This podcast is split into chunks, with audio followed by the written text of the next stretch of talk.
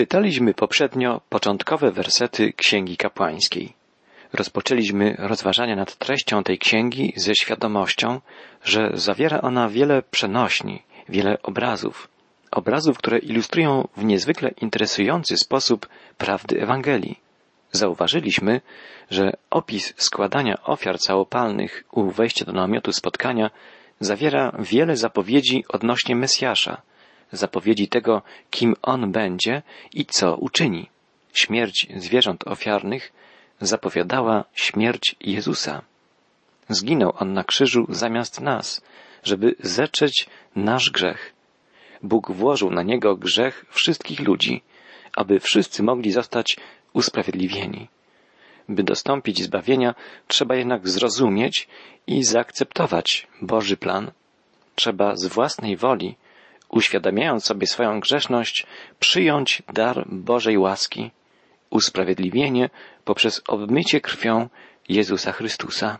Dalsze wiersze pierwszego rozdziału Księgi Kapłańskiej opisujące czynności rytualne wykonywane podczas składania ofiar całopalnych uzupełniają obraz zastępczej śmierci Chrystusa. W wierszu czwartym, w pierwszym rozdziale Księgi Kapłańskiej czytamy, że człowiek, który przychodzi, by złożyć ofiarę, położy rękę na głowie żertwy, aby była przyjęta jako przebłaganie za niego. Położenie ręki na głowie ofiary jest aktem symbolizującym przekazanie, jak gdyby przemieszczenie grzechów tego, który je popełnił, na niewinne zwierzę. Jak pisze w swojej książce na temat trzeciej księgi mojżeszowej dr Kellogg, jest to obraz transferu. Transferu dokonującego się dzięki Bożemu miłosierdziu, polegającego na przyjęciu należnej kary za grzech przez niewinną ofiarę. Cierpi ona i umiera w miejsce grzesznika. Innymi słowy, gdy człowiek kładł rękę na głowie zwierzęcia ofiarnego, jak gdyby desygnował to zwierzę do zajęcia miejsca przeznaczonego jemu. Człowiek przyznawał w ten sposób, że zasłużył na śmierć. Drogi słuchaczu, gdy przyjmujemy Jezusa jako swego Zbawiciela, przyznajemy, że jesteśmy grzesznikami, grzesznikami, którzy zasługują na śmierć i że nie potrafimy zbawić siebie sami. Wyznajemy, że chcemy odwrócić się od grzechu i zwrócić się ku Jezusowi, by żyć z Nim i dla Niego. Zwierzę ofiarne umierało zamiast grzesznika. To właśnie Chrystus uczynił dla nas. Gdy przyjmujemy Jezusa, mówiąc obrazowo, kładziemy swoje ręce na Nim, na znak, że wybieramy Jego jako Zbawiciela. Chrystus zajął nasze miejsce na krzyżu. To my powinniśmy tam umrzeć. Bóg, jak czytamy w drugim liście do Koryntian apostoła Pawła, tego, który nie znał grzechu, za nas grzechem uczynił. Bóg tego, który nie znał grzechu, za nas grzechem uczynił. A w liście do Rzymian apostoł Paweł pisze, że Jezus został wydany za nasze grzechy. W momencie przekazania przez składającego ofiarę grzechu na niewinne zwierzę następowało przebłaganie i człowiek odchodził oczyszczony, usprawiedliwiony przez Boga. Mówiliśmy już o tym, że przebłaganie oznaczało jak gdyby przykrycie, a nie usunięcie grzechu. W liście do Hebrajczyków czytamy Jest bowiem rzeczą niemożliwą, aby krew wołów i kozłów mogła gładzić grzechy. Tak, tylko baranek Boży może usunąć grzech. Składanie ofiary całopalnej następowało publicznie. Ofiarodawca wchodził na dziedziniec namiotu spotkania, zbliżał się do ołtarza, prowadząc zwierzę ofiarne. Był to akt publiczny. Grzesznik powinien wyznać swą wiarę w Chrystusa publicznie. Ludzie otaczający kogoś, kto przyjął Jezusa jako swego Zbawiciela i Pana, powinni o tym wiedzieć. Świadczyć o bliskiej więzi z Chrystusem powinny zarówno słowa, jak i czyny chrześcijanina. Rozważaliśmy do tej pory zawartość pierwszych czterech wersetów Księgi Kapłańskiej. Następny, piąty werset rozpoczyna opis czynności rytualnych dokonywanych przy składaniu ofiar całopalnych. Przeczytajmy wiersz piąty. Potem zabije młodego cielca przed Panem, a kapłani, synowie Aarona, ofiarują krew, to jest pokropią nią dokoła ołtarz stojący przed wejściem do namiotu spotkania. Składający ofiarę grzesznik sam zabijał ofiarę. Zapłatą za grzech jest śmierć, mówi list do Rzymian. Niewinna ofiara ginie zamiast winnego grzesznika. Chrystus również raz za grzechy cierpiał, sprawiedliwy za niesprawiedliwych, czytamy w pierwszym liście Piotra. To nasze grzechy sprawiły, że Jezus musiał umrzeć. Żeby sformułować to jeszcze bardziej osobiście, powiedzmy, mój grzech spowodował śmierć Jezusa. Często toczą się dyskusje nad tym, kto jest odpowiedzialny za śmierć Jezusa.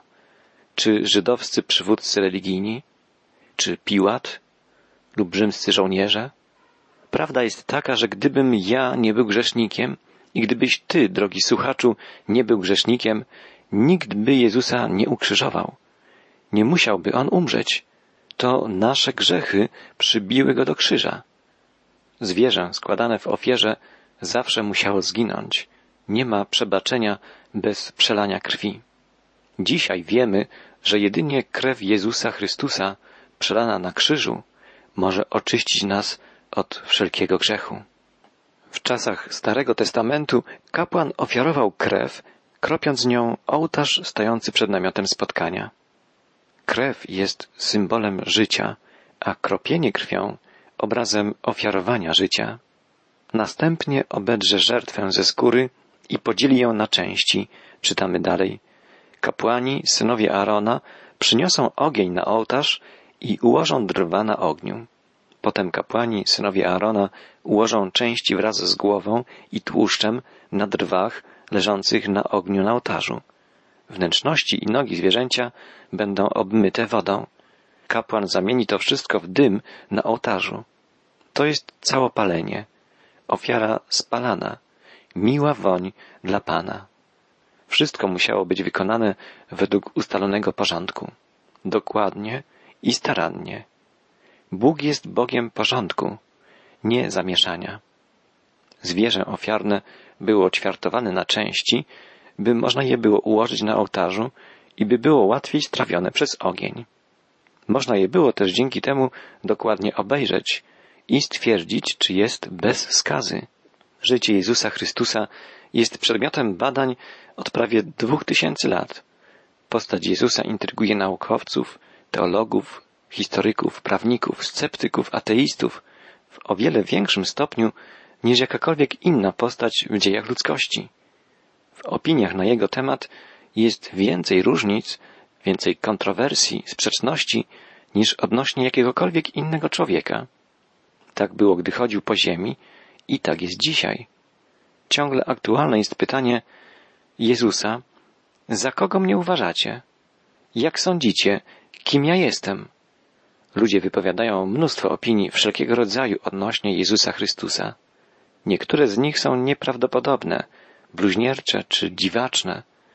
Niezależnie od wszelkich opinii, nadal jest prawdą, że jest on święty, niewinny, nieskalany, odłączony od grzeszników. Dlatego i zwierzę ofiarne musiało być doskonałe, bez skazy.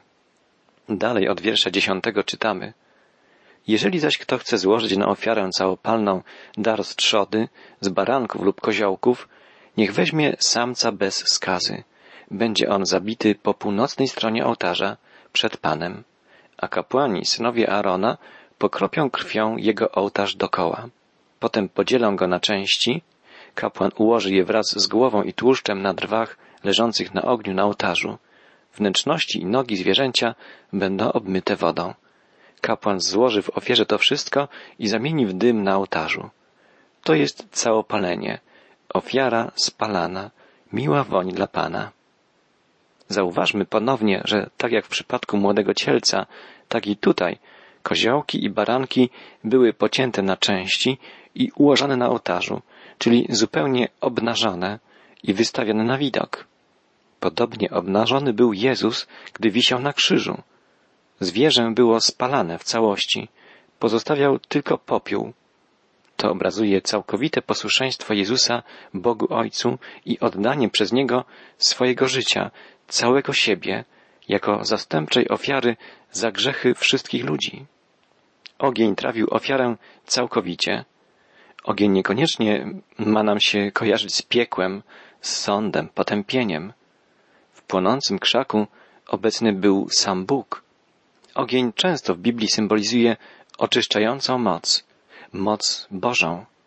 Ogień jest obrazem niepowstrzymanej Bożej energii, bądź oczyszczającej, bądź niszczącej lub trawiącej. Natura obiektu poddanego działaniu ognia decyduje o tym, jaki będzie skutek jego oddziaływania. Na przykład złoto czy srebro zostaną oczyszczone, drewno lub papier spłoną. W przypadku ofiary całopalnej zupełne strawienie ciała zwierzęcia przez ogień jest obrazem całkowitego oddania się Chrystusa Bogu, obrazem całkowitego poświęcenia dla Boga. Podobne doznanie powinno być naszym udziałem w jakimś stopniu, gdy wielbimy Boga w duchu i w prawdzie. Pan, Twój Bóg jest ogniem trawiącym, czytamy w Księdze Powtórzonego Prawa. Musimy sobie uświadomić, że nie zdziałamy zbyt wiele w naszym życiu jako chrześcijanie, jeśli nie poddamy się procesowi Bożego oczyszczenia, Bożego uświęcenia.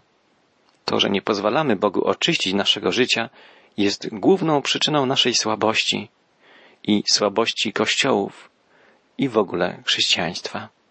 Drodzy przyjaciele, pozwólmy Bogu, by nas przemienił, by nas stale oczyszczał, by nas kształtował i prowadził.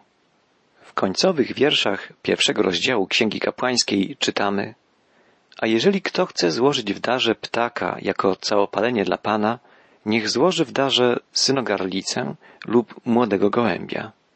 Kapłan przyniesie go do ołtarza, złami mu główkę i zamieni go w dym na ołtarzu. Krew jego wyciśnie na ścianę ołtarza. Potem oddzieli wolę jego wraz z piórami i wyrzuci je na popielisko na wschód od ołtarza. Następnie kapłan naderwie jego skrzydła, jednak nie oddzielając ich całkowicie, i zamieni w dym na ołtarzu, na drwach leżących na ogniu. To jest całopalenie, ofiara spalana, miła woń dla Pana. Ubóstwo nie było czymś, co mogłoby służyć jako podstawa do tłumaczenia się, że nie jest się w stanie składać ofiary całopalnej. Ptak mógł zastąpić na ołtarzu zwierzę. Każdy Izraelita, nawet najuboższy, był w stanie złożyć w ofierze ptaka. Pamiętamy, że Józef i Maria złożyli po urodzeniu się Jezusa właśnie taką ofiarę. Rodzice Jezusa byli ubodzy. Nasz Pan urodził się w ubóstwie. Czytamy po raz trzeci, iż było to całopalenie, ofiara spalana, miła woń dla Pana. Po raz trzeci pojawia się to stwierdzenie. Miła woń dla Pana. Bez wątpienia przyczyną składania ofiar całopalnych było więc obrazowe wyrażenie tego, co Bóg widzi, patrząc na Jezusa, umierającego w zastępstwie za nas na krzyżu. Dalsze przepisy ofiarnicze dotyczące składania ofiar całopalnych znajdziemy w rozdziale szóstym Księgi Kapłańskiej. Omówimy je więc później. Tu wspomnijmy tylko, że ofiary całopalne składane były każdego poranka i każdego wieczoru. Ogień na ołtarzu nie wygasał. W Księdze Wyjścia czytamy, że Aaron i kapłani składali rankami i wieczorami ofiary całopalne za naród. Ofiary te nazywano nieustającą ofiarą całopalną. Jezus Chrystus nieustannie wstawia się za nami. Piękny obraz tej prawdy znajdujemy w starożytnej pracy przypisywanej Anselmowi z Canterbury. Praca ta zatytułowana jest Porządek odwiedzin chorego człowieka. Czytamy tu. Odwiedzający sługa powinien zapytać chorego. Czy wierzysz, że możesz być zbawiony jedynie dzięki śmierci Jezusa Chrystusa? Gdy chory odpowie tak, sługa odwiedzający go powie Wznieś więc swoją duszę z ufnością do Pana. Złóż całą swoją nadzieję w odkupieńczej śmierci Chrystusa. Nie wiąż swej nadziei z niczym innym. Ukryj się całkowicie w śmierci Jezusa. Niech przykryje cię zupełnie. Jeśli poczułbyś, że Bóg cię osądza, powiedz, Panie, kładę śmierć mojego Pana Jezusa Chrystusa pomiędzy Tobą i Twoim osądem, a mną. W przeciwnym przypadku nie ostoję się przed Tobą. A gdy Bóg przypomni Ci, że jesteś grzesznikiem, powiedz, kładę śmierć Jezusa Chrystusa pomiędzy mną a moimi grzechami. A potem zwróć się jeszcze raz do Boga i powiedz, Panie, kładę śmierć mojego Pana Jezusa Chrystusa pomiędzy Tobą a wszystkimi moimi grzechami. Spójrz na prawość swego Syna, którą powinienem mieć ja, a nie mam. I ktokolwiek z nas, gdyby znalazł się przy łożu tego chorego, niech powie, Panie, stojąc w cieniu namiotu spotkania, ośmielam się wyznać, że Chrystus, baranek Boży, prawdziwa całopalna ofiara, może być przyjęta przez Ciebie jako przebłaganie za moje grzechy. Ta prawda ze składania ofiary całopalnej jest wspaniała. Bóg przyjmuje tę ofiarę jako miłą woń, bo patrzy na Jezusa i widzi nas ukrytych w Chrystusie. W liście do Rzymian w rozdziale trzecim znajdujemy takie wspaniałe słowa.